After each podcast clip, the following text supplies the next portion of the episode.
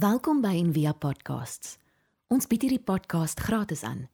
Om 'n bydrae te maak, besoek gerus ons webblad en via.org.za vir meer inligting. Ek praat 'n rukkie gelede met iemand op die foon toe daar skielik iemand anders bykom. En sy sê: "Your call has been placed on hold. Please be patient." En sy herhaal dit. Your call has been placed on hold. Please be patient. En ek wonder vir 'n oomblik, wat's nou besig om te gebeur? En wie sê? En sy ken my nie. Hoe kan sy vir my sê ek moet geduldig wees? Op daai stadium was ek baie geduldig geweest. En hoekom praat sy met my asof ek oud word nie meer lekker kan hoor nie?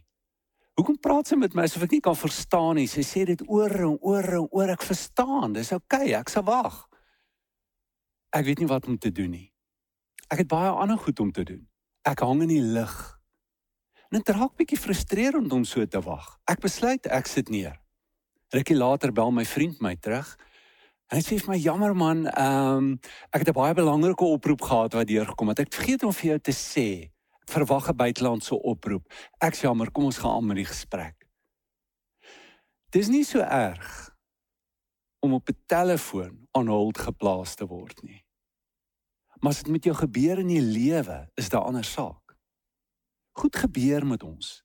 In COVID het ek agtergekom in gesprekke, in refleksie op my eie lewe dat ek my lewe op hold geplaas het in baie opsigte. Ons doen dit nie net ehm um, deur COVID nie, maar ek ek luister na 'n storie van iemand wat kanker gekry het en hy vertel hoe hy vir 168 dae moes gaan vir chemoterapie.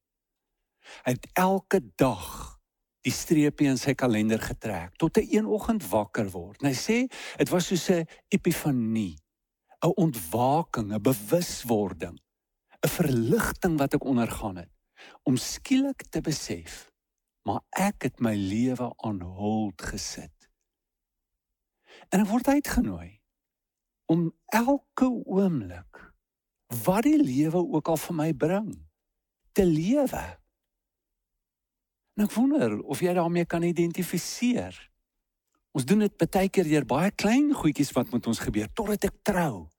Totdat ek klaar is met my studies, totdat ek verhoging kry. In intussen tyd wag alles, hang alles. Hoe kan ek die lewe vind as ek op 'n plek kom waar my lewe skielik aan hold geplaas word? Dis die goeie nuus waarmee Paulus kom. Hy skryf vir mense wat in moeilike omstandighede is en hy sê vir hulle hier is dit. Die liefde. Dis in 'n verhouding, in 'n sekere soort verhouding wat bestempel kan word as liefde wat jy die lewe kan kry. Maak nie saak wie jy is nie. Maak nie saak wat jy gaan nie. Jy kan lewe. Dis natuurlik nie heel oorspronklik nie. Dit is Jesus se woorde in sy lewe en hy volg Jesus. Jesus kom En uh die land is onwettig beset deur die Romeine. En hy vertel 'n storie van iemand wat liefhet.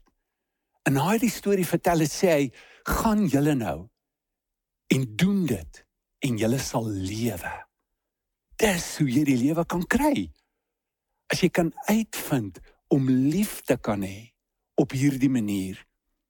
Paulus gaan aan, hy sê ons moenie uh fokus verloor nie. Ons kan dit op baie ander maniere probeer kry. En as hy sy storie begin oor liefde, dan sê hy ons kan dink dat ons dit kan kry deur baie geleerd te wees.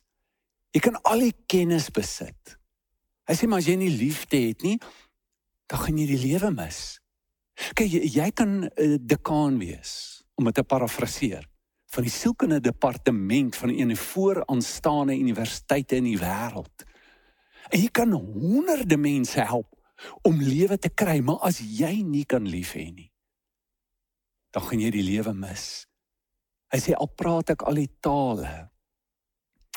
Ehm um, al al kan ek sing soos 'n nagtegaal.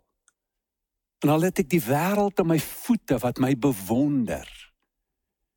En ek het nie lief nie. En ek weet nie wat dit is om liefde te gee en liefde te ontvang nie dan ek leeg, dan se ek soos 'n klinkende simbaal. 'n leë geluid. Al het ek geloof om berge te versit. Met ander woorde, al het ek van die grootste goed bereik in die lewe en goed tot stand gebring en het nie liefde nie, dan help dit niks nie. Dis wat Jesus ook vir sy disippels geleer het en gesê het. Hy sê aan die einde van tyd gaan daar mense kom wat sê, ons het groot goed gedoen. Ons het gehelp, ons het mense gesond gemaak. Ons het mense vrygemaak. Maar gaan hulle sê gaan weg. Julle ek ken julle nie.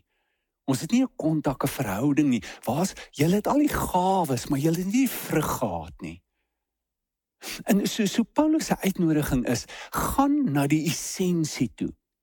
Gaan na die bron toe van die lewe, soos 'n groot fontein wat 'n hele plaas voed, wat baie sytakke het. Die sytakke kan en gaan deur seisoene geraak word en dit kon jou baie lewe gegee het op 'n tyd. Maar nou is dit nie meer daar nie. Dit beteken nie jou lewe is verby nie. Gaan na die bron toe, die kern toe. Dis 'n liefde. Dis 'n liefdesverhouding. En ehm um, dis vir ewig. Al die ander goed wat jy doen, die gawes gaan tot 'n einde kom. Dis net vir hierdie lewe, maar die liefde gaan vir altyd. Dis 'n ewige lewe in liefde waarin jy stap as jy dit doen. Kry jou fokus. Jy kan enige plek, enige tyd onder enige omstandighede lief hê. Dis iets wat jy moet leer. Johannes sê dit, 1 Johannes 4:16, ons het die liefde leer ken en geglo. Is 'n reis om op te gaan.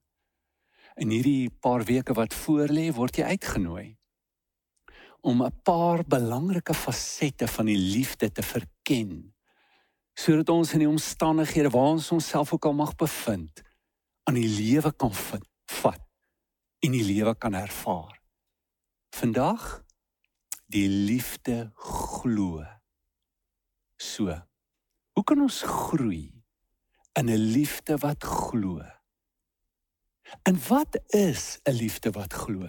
In die eerste plek sien. sien. Jy moet leer om met sekere oë te kyk.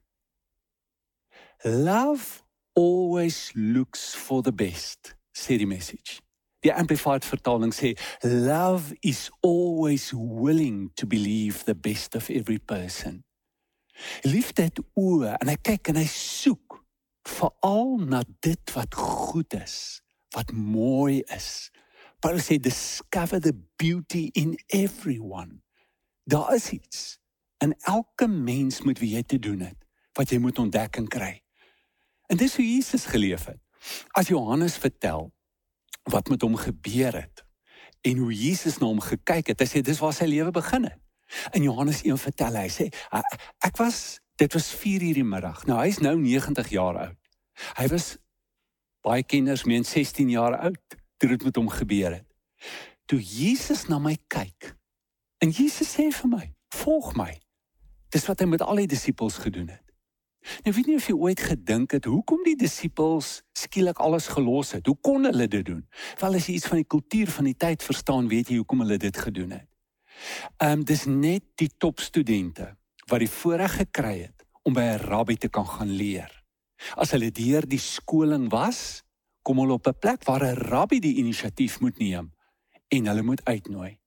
So die disippels wat Jesus gekies het, was almal uitvallers. Hulle hulle was nie genooi nie. Hulle kon nie 'n rabbi kry nie. Hulle moes heel moontlik teruggaan na hulle huise toe en die familiebesigheid gaan ondersteun en daar begin werk. Maar hier kom Jesus hulle pad langs. En Johannes sê Jesus sê en hy kyk na my. Kom dit was 4 uur die middag. Volg my. Hy sê dadelik dieselfde ding wat met Petrus gebeur het.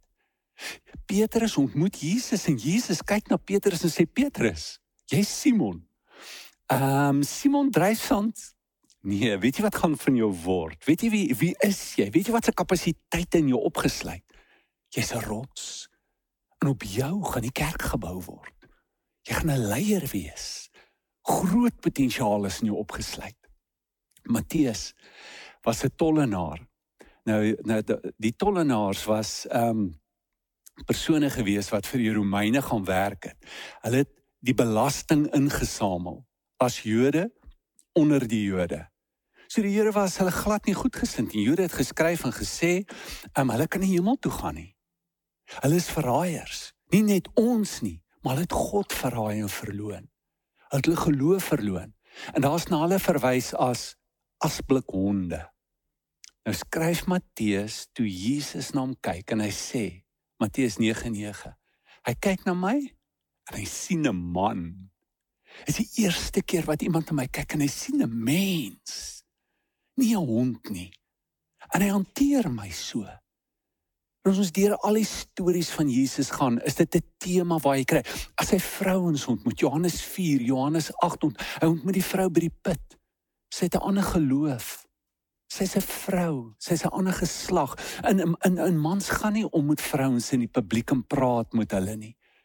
Sy's 'n ander stam, sy's 'n ander nasie. En daar's ook hierdie spanning tussen die Samaritane en die Jode.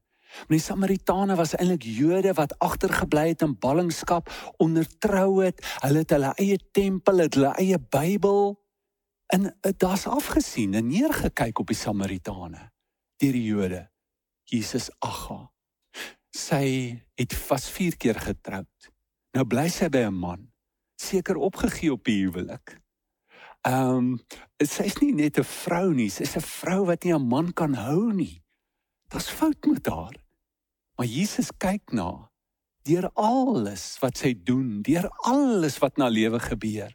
En hy raak in die diepste ding in haar hart en hy ag haar. Hy sê: "Van weet jy? Ek sien 'n dors in jou. En ek het 'n water vir jou wat jy kan drink dat jy nooit weer sal dors kry nie." Draai jou hele lewe om. Dis wat gebeur het. Dis die krag daarvan as jy kan kyk, as jy kan sien, as jy hierdie dubbelvisie kan hê wat Jesus het. En hy leer ons, hy nooi ons uit om verder te kyk as dit wat wat voor oë is. Want dis wat geloof doen. Geloof wandel en kyk nie net wat ek kan sien met die blote oog fisies nie, maar ek sien iets wat agter dit lê. En ons word uitgenooi om hierdie visie te ontwikkel sodat ons soos Jesus kan wees om te kyk met hierdie dubbelvisie. Ehm um, ek is nie so groot gemaak nie. Ek wonder of ons leef nie in so 'n kultuur nie. Is dit nie so dat ons geneig is om te kyk na wat verkeerd is nie, dat ons dit kan regmaak? Of ons kyk na iets wat nie lekker werk nie, ons wil alles maximize. So, ons kon dit en dit en dit gedoen het, dan kan ons dit beter doen. In my eie lewe het ek ontdek dat ehm um, jy nie 'n gawe kan kry as jy die graad kry nie. Ek het ehm um, toe dit in die bediening kom agtergekom daar's goed wat ek nie kan doen nie wat die bediening van jou vereis. Ek het 7 jaar gaan studeer, my gekwalifiseer sodat ek dit kan doen. En toe vind ek uit die graad gee nie die gawe nie. Ek kan dit nie doen nie. En ek het tot hierdie ontdekking gekom. En ek sien dit soveel om my gebeur. Ons fokus op dit wat ons nie kan doen nie. En doen ons kursusse en ons probeer dit. Hoekom fokus nie op wat ons het nie en ons gawes en ons ontwikkel dit nie? Dis ons oriëntasie. Het in in in ons ons ons sien dikwels ook net wat is verkeerd en ons dink dat ons mense help as ons vir hulle sê hoorie maar dis nie reg nie. As jy besef besef jy is nie reg nie. Maar ons probeer met ander woorde die kwaad te oorwin deur die kwaad, deur te fokus op die kwaad. Ons kan die kwaad net oorwin deur die goeie. As ons let op die goeie in onsself, in ander. Ons kan nie net op die verlede gaan nie. Ons kan nie net kyk deur die oë van ons geheue oor wat gebeur het in die verlede nie. Ons moet kyk deur die oë van ons verbeelding van dit wat kan wees, van die saad, van die goedheid wat al lê in iemand, in onsself. Sies Louis 'n baie interessante artikel geskryf oor die verskil tussen verbeelding en ehm um, fantasie. En hy hy hy natuurlik koppel dit baie sterk aan sy bekering. Want Tolkien het vir hom gesê, jou probleem is Jou verbeelding is nie groot genoeg nie en dis hoekom jy nie 'n Christen kan word nie. Um, hy het nie saamgestem daaroor nie, maar wat hy ontdek het is dat daar 'n verskil is van tussen fantasie en verbeelding. En hy het dit verwar. Jy weet hy sê fantasie is Mary had a little lamb. Maar verbeelding is die Here is my herder. Dis iets anders. Maar wanneer ons na iemand kan kyk deur die verbeelding met met geloof, met die met die moontlikheid van potensiaal van wat iets lê in iemand. Dit het 'n baie groot effek op hom. 'n Professor McGregor, 'n sosioloog, was oortuig daarvan dat ons almal 'n basiese oriëntasie het teenoor ander mense. Ons dink dat mense fundamenteel goed of fundamenteel sleg is. Ons weet daar's goed en sleg in alle mense. Hy het navorsing gaan doen om sy hipotese te bevestig en ehm um, hy het verder gegaan en gekyk wat is die effek van jou fundamentele oriëntasie. Hy het tot groot ontdekkings gekom. Die mense wat dink dat daar goed is in elke mens en dat elke mens fundamenteel goed is, was gelukkiger, gesonder en het meer sukses gehad in die lewe. 'n Groot effek op ons. Ek het agtergekom my teologie. Ek is groot gemaak met die oortuiging en die die lering dat 'n mens fundamenteel sleg is. Maar ek het ontdek dat daar ander strominge in die Christendom is wat anders dink. Daar's die mense wat vir my gesê het maar Genesis 1 is voor Genesis 3, die skepping waar God gesê het alles is goed en die mens is goed en die mens is na sy beeld. In Genesis 3 het te doen met die sondeval en dit trek nie 'n streep deur Genesis 1 nie. Ja, dit het baie goed verander. Ons bly fundamenteel goed. Nou op 'n baie praktiese vlak. Hoe doen ek dit? Wat is dit? Om te kyk en te soek na die beste. Dis om te let. Wat is goed? Elke mens het goed in hom. Om te let op gawes, watter gawe vermoë is daar in hierdie persoon opgesluit? Ons almal is 'n 10 erns. Watter goeie pogings word daar aangewend want almal probeer op een of ander manier om iets goeds te doen en goed te wees. Kan ons dit sien? Kan ons dit sien? Wanneer jy dit sien, is die tweede groot ding om te sê. Om te sê. Ehm um, dis nie genoeg om dit net waar te neem nie. Jy kan vanuit twee plekke uit praat vanuit die donker kant, dit wat jy sien wat verkeerd is of kan verbeter word, of dit wat jy sien wat goed is, mooi is, edel is en dit te bevestig. Ek dink ons almal ken die krag en die mag van negatiewe slegte woorde wat gespreek is. Ehm um, dis die spreuke wat sê die tong het mag oor dood en lewe. En in die jare in die bediening het ek na soveel stories geluister en veral waar uh groot uh invloedryke mense gepraat het in mense se lewens. Gesagsfigure wat dood gebring het. Maar die ander kant is ook waar. Kan soveel lewe bring. As ons sê wat ons sien wat goed is. Nou ek wonder, en hier's 'n wonderlike oefening om te doen. Wat jou gaan in kontak bring met liefde. Jou gaan in kontak bring met die maniere waarop God se liefde in ander mense jou al liefgehad het in die lewe. Dink aan daai kere. Mense na jou toe gekom het, goed gesien het in jou wat jy dalk nie eens van bewus was nie. En dit oor jou gespreek het en watter lewe dit in jou gebring het ek het soveel verhale en ek is so dankbaar vir soveel mense wat dit vir my gedoen het. In die laaste plek simuleer. Jy moet iets doen. Paulus net nadat hy praat oor die liefde, sê hy vir die Galasiërs, "Let us make sure that we do not just hold it as an idea in our heads or a sentiment in our hearts, but work out its implications in every detail of our lives. Hier's die ding, ons kan baie maklik dink ons dit lief omdat ek omdat ek iets kan sien en ek word diep beweeg daaroor. Ek het selfs ek huil selfs daaroor. Maar ek doen nie iets daaroor nie. Johannes sê: Moenie as jy iemand sien in pyn aangaan met jou, dan is die liefde van God nie in jou nie. Dis eers wanneer ek iets doen, ek moet die implikasies uitwerk. Nou ons doen dit fisies met 'n kind. Ehm um, almal het dit met ons gedoen. As jy 'n kind gehad het of 'n kind moes grootmaak, het jy dit gedoen. Daar kom 'n tyd wat jy sê tyd om te loop. Jy tel hom op. Jy hou hom vas. Jy sê kom aan, jy kan. Ek glo die potensiaal is daar. Ek het nog geen bewyse dat hy kan loop nie. Hy het nog glad nie geloop nie. In sy hele verlede nog nooit reg gekry nie. Ek hou hom vas. Ek los hom. Hy val. Ek doen dit aan mekaar. 'n Klomp keer. Ek gaan nie na die derde keer en sê ag nee wat. Dis hopeloos. Jy sal nooit kan loop nie. Kyk kyk hoe is jy nie. Ek weet dis daar. Ek glo dis daar en ek hanteer jou so totdat jy daai dag opstaan en loop. Dis nie net waar fisies nie, dis waar geestelik emosioneel. Dis 'n uh, eh, Wolfgang Goethe wat gesê het, treat a man as he is and he will remain as he is, but treat a man as he can be and should be and he will become as he can and should be.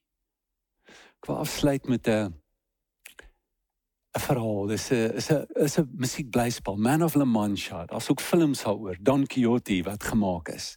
Gaan oor 'n middeleeuse ridder wat in 'n dorpie inkom en 'n sekswerker teeloop. Maar hy hanteer haar met respek. Sy's baie suspicieus. Hy sien wonderlike deugde in haar. Hy noem dit vir haar.